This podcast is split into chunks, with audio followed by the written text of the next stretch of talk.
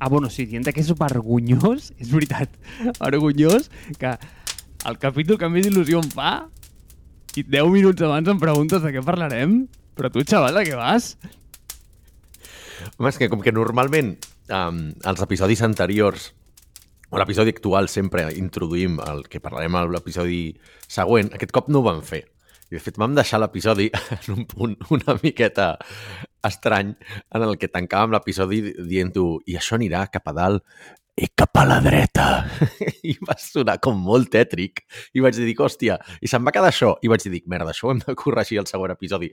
Però és veritat que havíem parlat, d'altra banda, que eh, parlaríem d'un tema que havia sortit fa uns quants episodis, que era la gestió de correu és que aquest tema, i no ho recordes, i és gravíssim, va sortir en una conversa telefònica. Jo recordo... Recordes que et vaig dir que tinc aquesta memòria fotogràfica que sé exactament on estava quan vaig dir una cosa? Pues... I jo estava a Grècia, no? Segur que jo estava a Grècia quan vam tenir aquesta conversa. no, no, va ser molt no? més recent. No, va ser ah, molt val. més recent. Va ser molt més recent. Jo estava al carrer del Perill, a Gràcia. Val? I estava caminant per allà i va sortir el tema dels taps del navegador, que és, bueno, és algú que ara m'has dit, no, és que tinc els ventiladors del meu ordinador, tal. és que no m'estranya, fill meu, és que no m'estranya, és que no et dona la RAM, però bueno, és igual, és un tema per un altre dia. I va sortir el tema de la gestió del correu. I aquí sí que tu i jo som antagònics, però el blanc i el negre, el dia i la nit, eh? La dreta i l'esquerra som, eh? O sigui, totalment, eh? Totalment, totalment. Però, de, per exemple, o sigui, jo me'n recordo que en un dels episodis vam introduir temes de productivitat i vam estar parlant, i de fet ja això ja ho havíem apuntat com a, com a idea per un episodi, no? De dir que a tu se, se't sortia el cor, diguem, del pit cada cop que veies algú que tenia més de tres pestanyes de navegador. No? Jo ara estava comptant i avui en tinc 44 obertes. Val? Eh, de fet, n'hi ha una que és de la teva pàgina web, Marc, per tant hauries d'estar orgullós que un, un 44è del meu navegador estigui consumint RAM perquè està la teva pàgina web oberta amb l'article que vas escriure eh, introduint, el, introduint foc a terra. I d'allà, em sembla que vam derivar a la part de com gestionem les tasques, no? que de vegades doncs, és una manera de tenir com tasques obertes, dir, hòstia, jo obro una pestanya al navegador per, uh, per, perquè sé que això ho faré després, però de pestanyes de navegador potser en parlarem un altre dia. Faig exactament el mateix amb el correu, perquè jo sóc una persona que viu en el correu, sóc una persona que, per qui no em conegui, faig desenvolupament de negoci. Aleshores, pràcticament tota la comunicació que faig és de portes en fora, de la meva empresa portes en fora, no? amb potencials clients, amb partners, amb sponsors, eh, bueno, amb empreses amb les que has de parlar, som un actor bastant eh, intens dins de l'ecosistema de, de startups i tecnològic de Barcelona. Per tant, jo porto tot el tema de relacions institucionals de, de l'empresa amb tots aquests altres actors de l'ecosistema. I sóc la cara visible. Per tant, jo em relaciono, diguem, de portes en fora, mentre els meus dos altres socis doncs, porten les relacions portes endins. Jo visc al correu, perquè al final és pràcticament l'únic mecanisme que tenim per comunicar-nos de manera professional amb altra gent. Ja no entrarem amb la gent que t'escriu per WhatsApp, per coses de feina i coses així, eh? però generalment és el correu. Per tant, bueno, tinc una metodologia que segurament voldràs que la comenti o no, si no vols que no et doni un, un atac de cor, per gestionar el, el correu i no perdre l'estabilitat mental. Vale. A veure. Anem, a donar-li context. Sí, anem, anem, anem per punts. Primer de tot, que sàpigues que no estàs fent servir un 44 o no sé quant percentatge m'has dit de la teva RAM perquè, mira, la meva pàgina web és una autèntica merda, ¿vale? però té una cosa molt bona i és que només té el foco en una cosa i és en el minimalisme i en l'eficiència. Llavors, és una pàgina estàtica que bàsicament tio, el que t'està consumint és pràcticament res. Tenir-la sempre oberta i no tenir-la és, és més o menys el mateix. Llavors, Alexio, de veritat que et recomano que la tinguis sempre oberta, si vols, i vas navegant per allà a veure què passa. Això sí, no esperis gaires actualitzacions perquè no n'hi ha. ¿vale? Llavors, dit això, el tema del correu. Per a mi, això forma part d'una conversa més profunda. I em sap greu perquè aquest episodi, igual, en lloc de 30 minuts, podria durar 30 mesos, però el farem curt, val? el farem curt. Perquè, sincerament, si tu m'hi preguntes, eh, i, i per què jo sóc totalment oposat a tu? Perquè jo, per exemple, eh, i ara em diràs, hòstia, és que ara igual coneixeràs una part de mi que no coneixies, eh, però eh, o, o no eres superconscient. Però tu, per exemple, tu sabies que jo no tinc WhatsApp al mòbil? O sigui, literalment no el tinc. Tu fas servir la versió web, per tant. O sigui, a mi WhatsApp em va... A veure, jo WhatsApp és un producte que tinc un, una relació d'amor-odi perquè és la meva única porta... Bé, anem a dir com l'eina que sempre he volgut eliminar i mai he pogut, val? El dia perquè que això passi... tothom la fa servir. Tothom la fa servir. Exacte, exacte. Que a mi em passava amb exacte. Facebook al principi i, i també, bueno, amb WhatsApp en certa part també. Clar, jo m'he pogut apartar de totes. De totes, totes, totes. Excepte de WhatsApp. Mai he pogut deixar d'utilitzar-lo. Llavors, Uh -huh. què és el que faig? Bueno, doncs el que faig és que a mi se'm van obrir les portes del cel quan van treure el producte aquest que es deia mm, eh, multidevice o alguna així, eh, que pots tenir-lo en diferents devices. No WhatsApp web, eh? no és el mateix. Eh?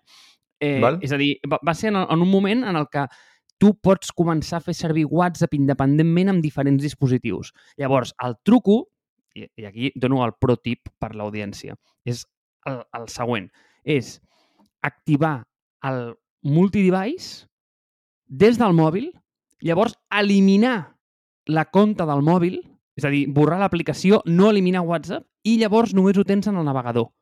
Val? Jo només tinc WhatsApp en el navegador. Per tant, a mi, si m'escrius un WhatsApp, primer només el llegiré quan jo vull escriure alguna cosa a algú i llavors veig que hi ha coses. I aquí ve la segona cosa, és que, molt important aquest punt, i em diràs, tio, estàs boig? No. O sigui, jo el correu només el miro un cop al dia.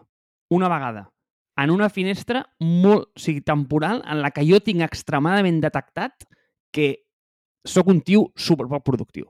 Vale? O sigui, la, bàsicament, a l'hora de la siesta. O sigui, quan tinc una son que em moro i, tio, i veig que no puc fer res més que arrossegar-me pel terra, dic, ara és el moment de treure el correu de, de, de, de, la vista. I així, que aquesta és la meva estratègia de correu. Val. No, jo l'he vist en... Jo he vist moltes estratègies de correu, eh, amb els anys, perquè al final, com a, com a CEO d'una empresa, rebo moltíssims correus i també és part de la meva feina és respondre als correus que ens envien a l'empresa. Per tant, d'alguna manera m'he d'encarregar jo de tots els correus que rebem per la pàgina web i els formularis de contacte. He vist més d'una persona que té a la signatura del correu, per exemple, Luis Martín Caviedes, famós inversor, que té... Eh, jo només miro els correus un cop al dia. Tingues això en consideració. Però és igual, després li tires un correu i t'acaba contestant a qualsevol hora. Vull dir, potser és més un... Bueno, saps? Vull dir, jo t'aviso per si a casa no et contesto, però si realment m'interessa et contestaré. Veig que tu no ets així i, i jo també doncs, compartiré una miqueta la meva estratègia perquè ha anat variant molt amb els anys.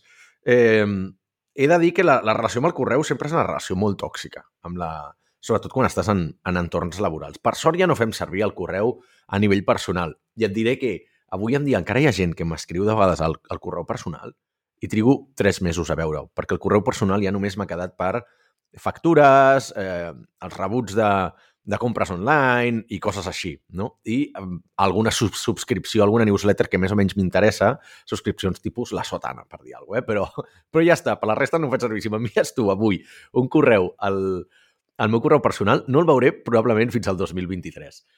Però els de feina és diferent. Els de feina, per exemple, jo tinc tres correus diferents de feina, val? per tres diferents iniciatives que tinc. Evidentment, el de Marsbase, que és la meva empresa, eh, el miro cada dia, però després tinc un altre per Startup Grind que el miro només els dimarts. Per tant, jo només el miro un cop a la setmana. És una miqueta millor que el que fas tu, però per què? Perquè tinc la meva setmana dividida amb, amb dies temàtics. I aleshores, doncs si el, fins ara, ara ho he canviat recentment, eh? però fins ara el dilluns feia ventes, el dimarts feia Startup Grind i comunitat, el dimecres feia màrqueting i comunicacions, el dimecres, uh, perdó, els dijous feia... No me'n recordo què feia, no me'n recordo perquè ho he canviat, i els divendres eh, temes de, de reclutament, empre, eh, cultura d'empresa i, i, i reporting. No? Ara ho he canviat. Però aleshores això volia dir que el dimarts només mirava Startup Brain. I s'ha de ser molt religiós amb aquest tema. Aleshores, un dels conceptes que vull ficar aquí, després ja si a casa explico les altres dues, bueno, una és massa petita per tenir correu, una iniciativa nova que estic fent ara, i la de Marsbase sí que religiosament el vaig mirant un parell de cops al dia. Però no et creguis, eh? No miro més que... I potser de vegades només el miro un cop al dia, perquè tinc tanta feina d'altres coses, Marc, que de vegades no em dóna temps a mirar el correu. Però sí que tinc una tasca cada dia que és netejar el correu del dia anterior. Per què? Perquè jo, a diferència de tu, segurament, ho faig servir com a...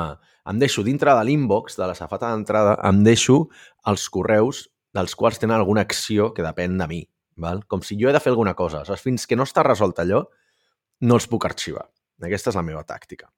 Però també tinc una cosa bona, que com que faig servir un client de correu d'aquests ja més, més avançats, més professionals, que es diu Superhuman, que de fet costa 30 pavos al mes, és una bogeria, però clar, per feina et dona una estabilitat eh, al·lucinant, que és que si m'entra un correu que no em toca avui, és a dir, en el meu correu de feina, m'entra un correu de Mars-Based, hi ha una funcionalitat que es diu snooze, no? com el tema de les, les alarmes del, del mòbil, un posposar, i dic, l'envio dimarts que ve, sense haver-lo llegit. És igual si és urgent, és igual si l'ha enviat eh, el Santíssim Papa de Roma, saps? Vull dir, o si m'arriba una cosa que és de reclutament, el passo a divendres, perquè és el dia que em toca fer allò. Per tant, per bé que rebi correus, eh, almenys un centenar de correus al dia, de fet, avui estic al voltant... No, avui no he arribat encara al centenar, el qual m'estranya, perquè he començat el dia i encara no els he obert, eh? però tinc uns 80 correus nous. Eh, jo sé que el primer, no el primer que faig al dia, però una de les primeres tasques que faig és fer aquesta batuda i anar recol·locant els correus el dia que pertoquen perquè així només em centraré amb els correus que s'han de respondre avui. I tindré la calma mental de veure un inbox, en comptes de 80 correus com tinc ara, probablement en tindré 15 o 10 que necessitin acció immediata avui. I aleshores, ok, ja es puguin arxivar o es puguin respondre o puguin fer les tasques necessàries. És que ara m'he recordat que va venir per aquí la conversa. Perquè jo et vaig dir, ah, hosti, eh, jo pensava que faria servir Hey. Eh, perquè, home, òbviament, sent un fan de Basecamp, pues... Correcte, però no. Et, però et no. vaig decebre aquí. No, no, no, que va, que va, no em vas, no, no em vas decebre, perquè eh, Superhuman, aquestes eines, són d'aquelles amb les que tinc aquesta relació bipolar, no? Perquè a mi el, els productes en si m'encanta provar-los, però i a més aquest de Superhuman és guai, perquè això, això ho va muntar el tio que va fer Reportive, oi? El que... Correcte, sí, sí. Vale, es, diu, es diu Raül, aquest paio, veritat? Raül Gofra, sembla que es diu. Ah, o Bogra. És, sí, exacte. És que només em surt el nom. O sigui, només em surt el nom perquè el cognom és impronunciable. Mai he sabut com es diu. Però bueno, Raül, eh... amb H intercalada, que fa que ho recordis més, perquè és més exacte. estrany. Exacte. Sí. Exacte. Pues, ja, tio, aquest tio li va vendre Reportive a LinkedIn, oi?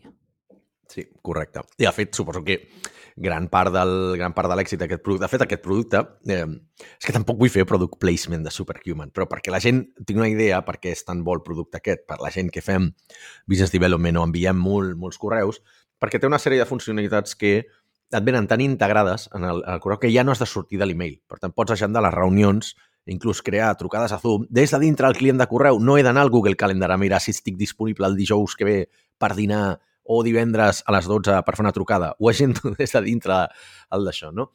I una de les coses que té, que a mi em va molt bé per ventes, és que precisament té Reportive està dintre. Reportive era una, una eina que van fer aquesta gent, que s'integrava en Gmail, era un plugin de Gmail, que el que feia és, si el Marc m'enviava un correu a mi, jo obria el correu i veia el perfil de negoci del Marc, o sigui, tota la seva informació pública, diguem, el seu perfil de LinkedIn, el seu perfil de Twitter, si té una pàgina web, la seva pàgina web.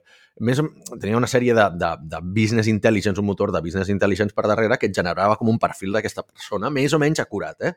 I anava perfecte, perquè saps, tu sabies ja de quin pal era, podies connectar amb ell per LinkedIn, podies extreure una sèrie d'informacions que a nivell de ventes o a nivell de negoci et podien anar bé. Però bueno, tot això doncs, ho han ficat a Superhuman, la veritat és un producte que va molt bé, precisament per això, per tornar a guanyar la calma mental del... Però entenc que té una, una relació una, una relació amor-odi. I, de fet, un dels conceptes que a mi m'agrada destacar, que hi ha molta gent que, que diu que s'ha de fer amb la, amb la gestió de correu, que és el concepte Inbox Zero, val? que és el de que cada dia has d'aconseguir que el teu correu, o sigui, la teva safata d'entrada, arribi a zero, perquè és com una metodologia de feina. Jo la vaig estar provant durant molt de temps, i no sé quina opinió tens tu, Marc, però em va crear més dependència i més ansietat que els beneficis que em donaven. Per tant, jo avui en dia, si passo dos dies sense haver netejat la bandeja de correu, perdó, safata, eh, trobo una certa satisfacció perquè, de fet, trobo, trobo mm, bastant, eh, com t'ho diria, angoixant quan rebo el missatge aquest d'Inbox Zero perquè de vegades no l'assoleixo i dic, ostres, no l'he assolit. No, no, no, és, no es tracta d'assolir-lo, no és la meta. Val? La meta és aconseguir eh, fer el que has de fer amb el correu, gestionar-lo i que sigui l'eina eh, que et porti als teus objectius. No és una finalitat arribar a zero cada dia, perquè si no pots fer trampes i ho arxivo tot, o ho envio tot a demà, o elimino els correus, o, o passo del tema olímpicament, no? I això genera una certa dependència que entenc que crec que per aquí venia el de sorprèn que facis servir Superhuman, perquè a més també tenen uns temes de tracking que no van caure gairebé de la comunitat, i no facis servir Hey, que és el, el client de correu que van, la, la fer, van fer la gent de, de Basecamp, que d'altra banda, no sé ara, però no funcionava per correus de Google. Per tant, home, poca funcionalitat per mi. Déu meu, i això marca com estem a les antípodes en, en termes de correus, eh? Perquè jo, un, no tinc compte de Google, per tant, sí, es pot viure sense una compte de Google, val? jo no en tinc, així que... I tant. És... Mm -hmm. Tampoc de Facebook, així que també visc, ni res del seu ecosistema, excepte WhatsApp, òbviament, ja ho hem dit, però no en el mòbil. I d'aquí venia el tema, d'aquí venia el tema de, mm, de Superhuman, perquè jo et vaig dir, no, és que Superhuman, com totes aquestes merdes de productivitat, són aquestes coses que m'encantaria fer servir, però que sé que si les necessités, la meva vida seria molt miserable, ¿vale? I... Vas dir exactament aquesta frase. Sí, perquè la meva vida seria miserable, perquè llavors, bàsicament, es convertiria en tot el dia com està contestant en els correus. No? I, i, I això és una cosa, de veritat, és que és un problema que no vull tenir. I vull prescindir d'ell. Llavors, quina és la meva estratègia? És absolutament oposada en aquesta. Penso, quin és el pitjor producte que gestiona correus a dia d'avui? Apple, Apple Mail. Mail. Vale, vale, vale, vale, vale. Ja claríssim tots. Pues, què faig servir jo? Què faig servir jo? Jo faig servir Apple Mail, vale? I em dius, tio, en sèrio pots fer servir Apple Mail? Eh, o sigui, és un producte nefast en tots els sentits. Però amb la tecnologia, últimament, últimament i no tan últimament, m'agrada molt aquesta tendència de posar-m'ho difícil. De posar-li fricció, limitacions al que es pot fer. Val? Et poses pals Llavors, a les rodes, clar, clar, clar. clar. Exacte, exacte. Eh, exemple tonto. És que si ho veiessis al meu telèfon mòbil, crec que deixaríem de ser amics. A veure, Àlex, és que, mira, mira això ja és un tema... Va, vull dir que... Dispara, dispara. Igual no, et sorprengui no, no. amb algunes coses, eh? Bueno, doncs mira, ara et sorprendré jo. Eh, a veure, és que el tema del telèfon mòbil a mi em sembla un tema curiós, val? I, i et, i et donaré com el, el meu outlook general d'això.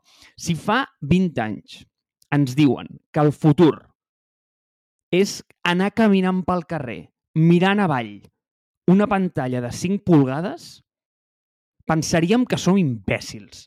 Perquè a tu no et passa que quan surts a córrer pel carrer i veus a la gent que està mirant el mòbil avall i no, i, i, i, tio, i no et veu venir, et venen ganes d'agafar-li el mòbil i tirar-li al terra. I ho sento, jo no sóc un tio agressiu, vale? jo mai he pagat a ningú perquè a mi em fa molta por això. Però sí, i m'estimo molt la meva vida i les meves dents, però Àlex, tio, et juro que a la gent que, que està, agafaria el mòbil, li tiraria al terra i m'aniria corrents. Diria, tio, fota't, hòstia.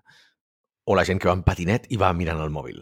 O la gent que va amb la bici i va mirant el mòbil. O gent, bueno, la gent que va conduint fa, fa un any, més o menys, me'n recordo de veure un accident de cotxe en directe per un tio que anava mirant el mòbil i es va saltar un semàfor i es va estampar i, hòstia, vull dir, va ser, va ser, va ser xocant per mi, que ho vaig veure des del, des del des de, des de la vorera, però vaig veure clarament que el tio estava mirant el mòbil i es va saltar el semàfor, sí, t'ho imagina't. Eh, però entenc Llavors, per on vas, eh? Sí. Per on anàvem? Per on anàvem? Anàvem la configuració del telèfon mòbil, que m'has dit, hosti, igual et sorprendré, igual et sorprendré jo, igual et sorprendràs tu. No, et sorprendré jo. La meva és molt fàcil. Cosa número 1, només es toleren aplicacions que són d'utilitats. Si no són autenticadors, això de, de, de doble factor, aplicacions de, de, de banca, que, bueno, que les necessites per autenticar-te amb el banc... Mm, utilitats. Si no és això, no entra. Vale? Aquesta sí. és la primera, la primera norma. Només utilitats. Val? La segona, res notifica. En, en el moment en què et planteges que les notificacions estan activades per defecte i que qualsevol persona pot il·luminar-te la pantalla en qualsevol moment, a mi això m'explota el cap. O sigui, penso, però quin tipus de, de realitat hem acceptat? O sigui, Exacte. però... I estem d'acord. Però quin tipus de món hem aconseguit? O sigui, un món en el que qualsevol persona pot il·luminar-te la pantalla del teu dispositiu més íntim és un món de merda, ¿vale? Eh, I collons, Àlex, és que és veritat. Sí, Que hater que estàs, m'agrada, m'agrada. Segueix, segueix. Ui, no, no, no, no, no, és que he de parar, he de parar, perquè a mi aquest tema em posa molt nerviós. És que jo, jo aquest tema eh, m'encén. Jo ja saps que un Barça-Madrid no m'encén, però aquest tema sí. Llavors, vale, aquesta és la segona. Aplica... Notificacions, o sigui, totes fora per defecte. Res notifica el telèfon, aquesta és la segona. I atenció, apreta't, eh? Ara, agafa't fort, eh? Endavant. Pantalla en blanc i negre. Ah, aquesta l'he sentit més d'un cop. Sí, sí, pantalla en blanc i negre. Des de fa Marc, molt tio, temps. Compra't un 3310 i faràs més o menys el mateix efecte, eh? Saps que ho he pensat i ho he intentat Tinc un amic moltes que ho ha fet vegades. recentment. Sí, sí, jo també, jo també. Eh, I és que, de veritat, eh? Vull dir, no, no, no, no vull ser a l'anticonsumisme i aquestes merdes, però mm, el tema del 3310 jo m'ho he plantejat moltes vegades. El problema és que les aplicacions que necessito no estan disponibles. Per exemple, no, clar. eh, Authy, el tema de, de doble autenticació, l'aplicació bancària, eh, totes aquestes coses no, no les tinc, llavors és que les necessito. Clar, és... clar bueno, sempre podies tenir un, un telèfon a casa només per, per això. I, I ja està. I l'altre telèfon tenir-lo lliure. Però bueno, no, et, et sorprendré perquè comparteixo probablement el 75% de coses que has dit. Mm. A dir un número completament arbitrari. O sigui, no tinc la pantalla en blanc i negre, però, per exemple, no tinc gairebé cap xarxa social en el, el mòbil. O sigui, per bé que jo em dediqui al tema de business i tot això, no tinc LinkedIn al mòbil, per exemple. No tinc Facebook al mòbil. Eh, per què? Perquè és que veia que realment m'aportaven molt poc valor i ja així ho redueixo. Em poso la fricció aquesta de ui, si he de fer alguna cosa a LinkedIn o a Facebook, l'he de fer a través de la web. I, i segurament el següent que vagi pa, surti per la finestra és Instagram i ho tingui doncs, un cop al dia. Però és veritat que Instagram per postejar és complicat per la, per la web. Però un altre que porto igual que tu, exactament igual que tu, i penso igual que tu, i també sóc molt trencado en aquest tema, i la gent m'odia per això, que és que el meu mòbil té absolutament zero notificacions. Menteixo, crec que tinc alguna notificació, que són les de Pokémon GO. I ja està. Imagina't. La resta, a mi em truca la gent, ni em vibra el mòbil, ni em surt la trucada, ni, ni res. O sigui, jo tampoc no tinc ni una aplicació que faci sorolls. L'única l'alarma, perquè si no pels matins no em llevaria. Però cap aplicació té permís de so en el mòbil i no em surten les notificacions, tampoc tinc desactivades pràcticament totes les notificacions, però, per exemple, a mi no, si el mòbil està bloquejat, no se, no se m'il·lumina la pantalla. O sigui, per veure-les, per aparèixer ha d'estar el mòbil desbloquejat, que això, això no passa mai, saps? I, I és més que res per la mandra, algunes és per la mandra d'haver anar una a una traient-les, però no faig servir mai la llista de notificacions aquella. Em sembla que potser només els SMS és l'únic que ara trobo que quan rebo un SMS, més o menys, són de valor, saps? Perquè sol ser coses de seguretat social, de la visita al dentista, de coses d'aquestes, versus fa 15 anys on els SMS només eren spam i no rebies res de bo, no?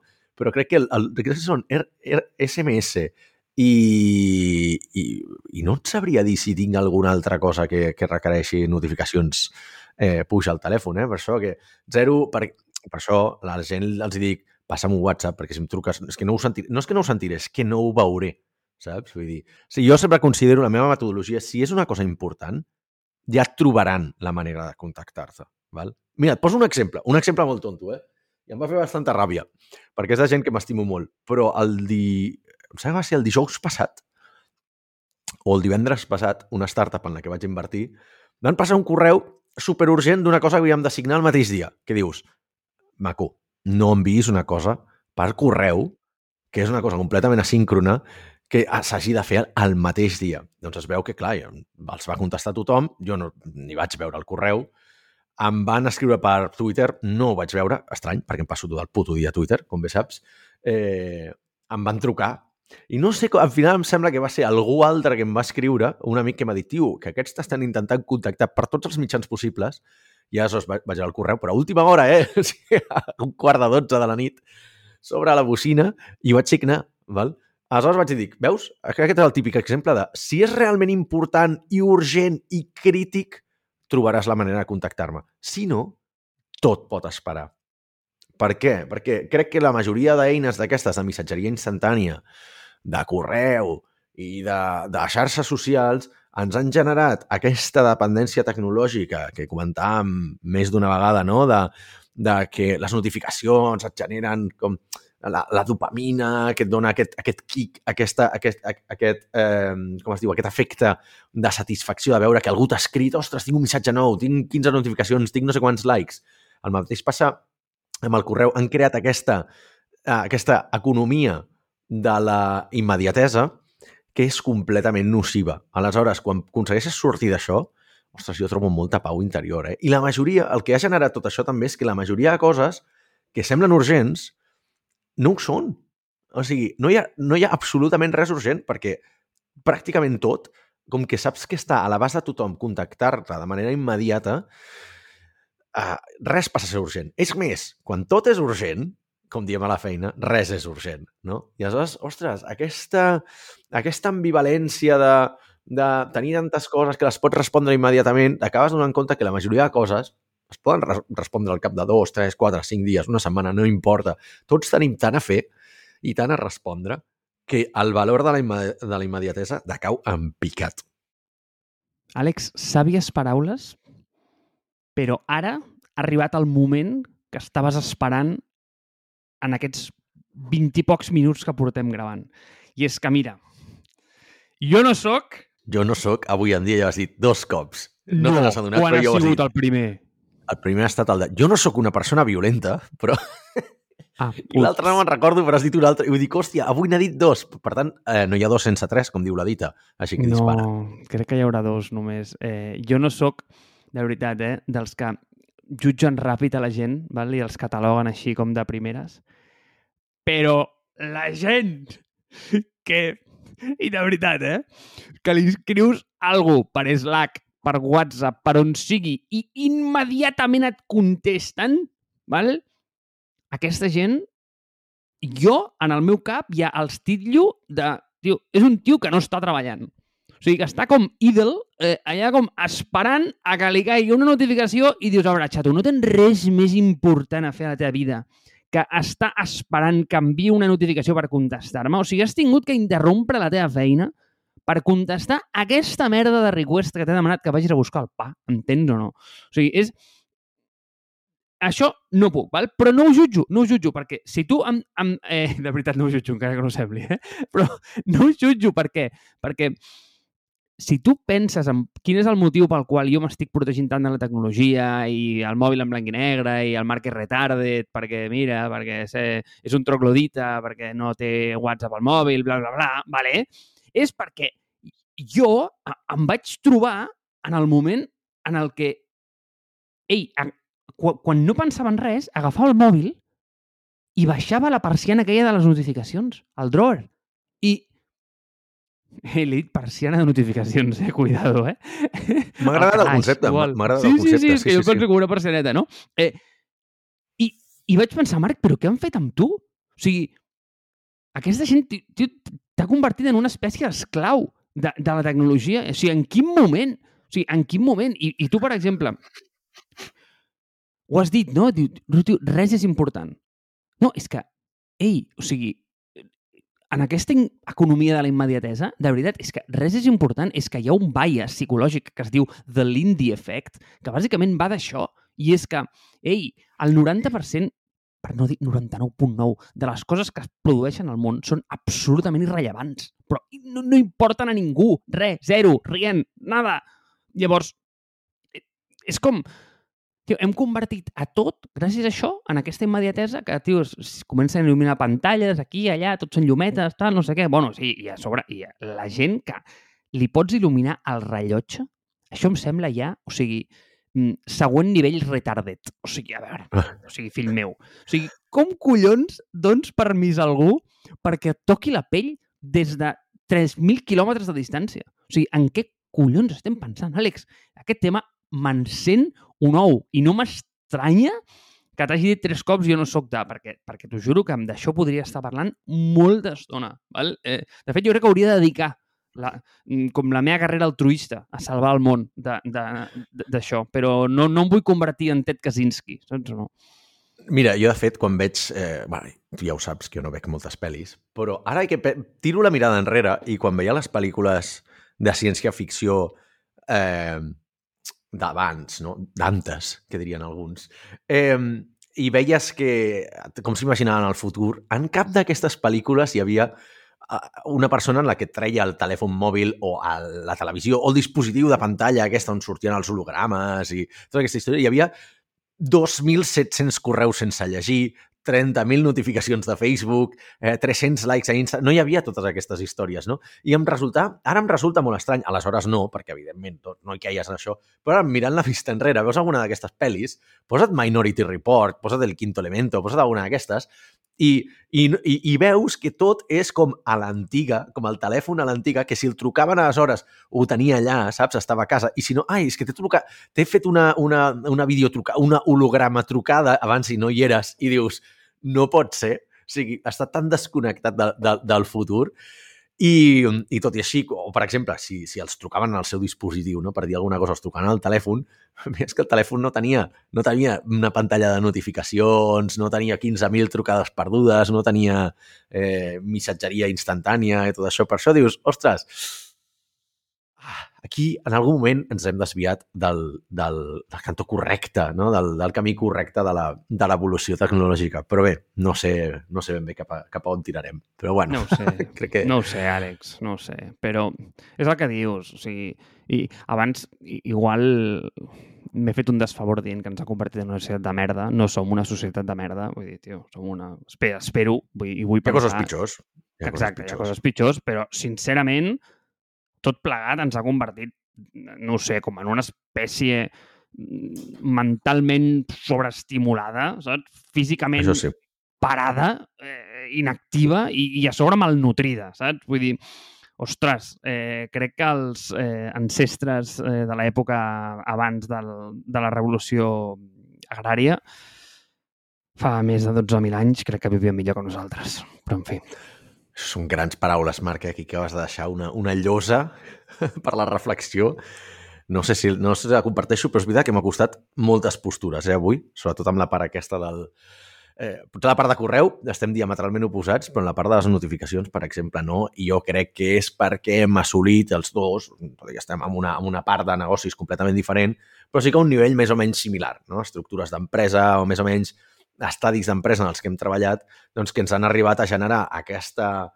bueno, el que, el que dèiem, que ens ha generat més, més eh, o sigui, ens ha generat menys benefici que el dany que ens ha causat, no? Totes aquestes notificacions, l'angoixa i ansietat de, de no respondre a aquestes coses, de no respondre a temps, de que s'ha d'acumular la feina, i estem trobant, hem passat cap a l'altre cantó, hem traspassat i estem experimentant el que diuen el, el joy of missing out, no? la, la joia de, de deixar passar les coses, de deixar passar l'oportunitat i dir, ostres, mira, avui, avui no miraré el correu. I això ho faig, jo de vegades ho faig bastant sovint, de dir, jo avui, saps què?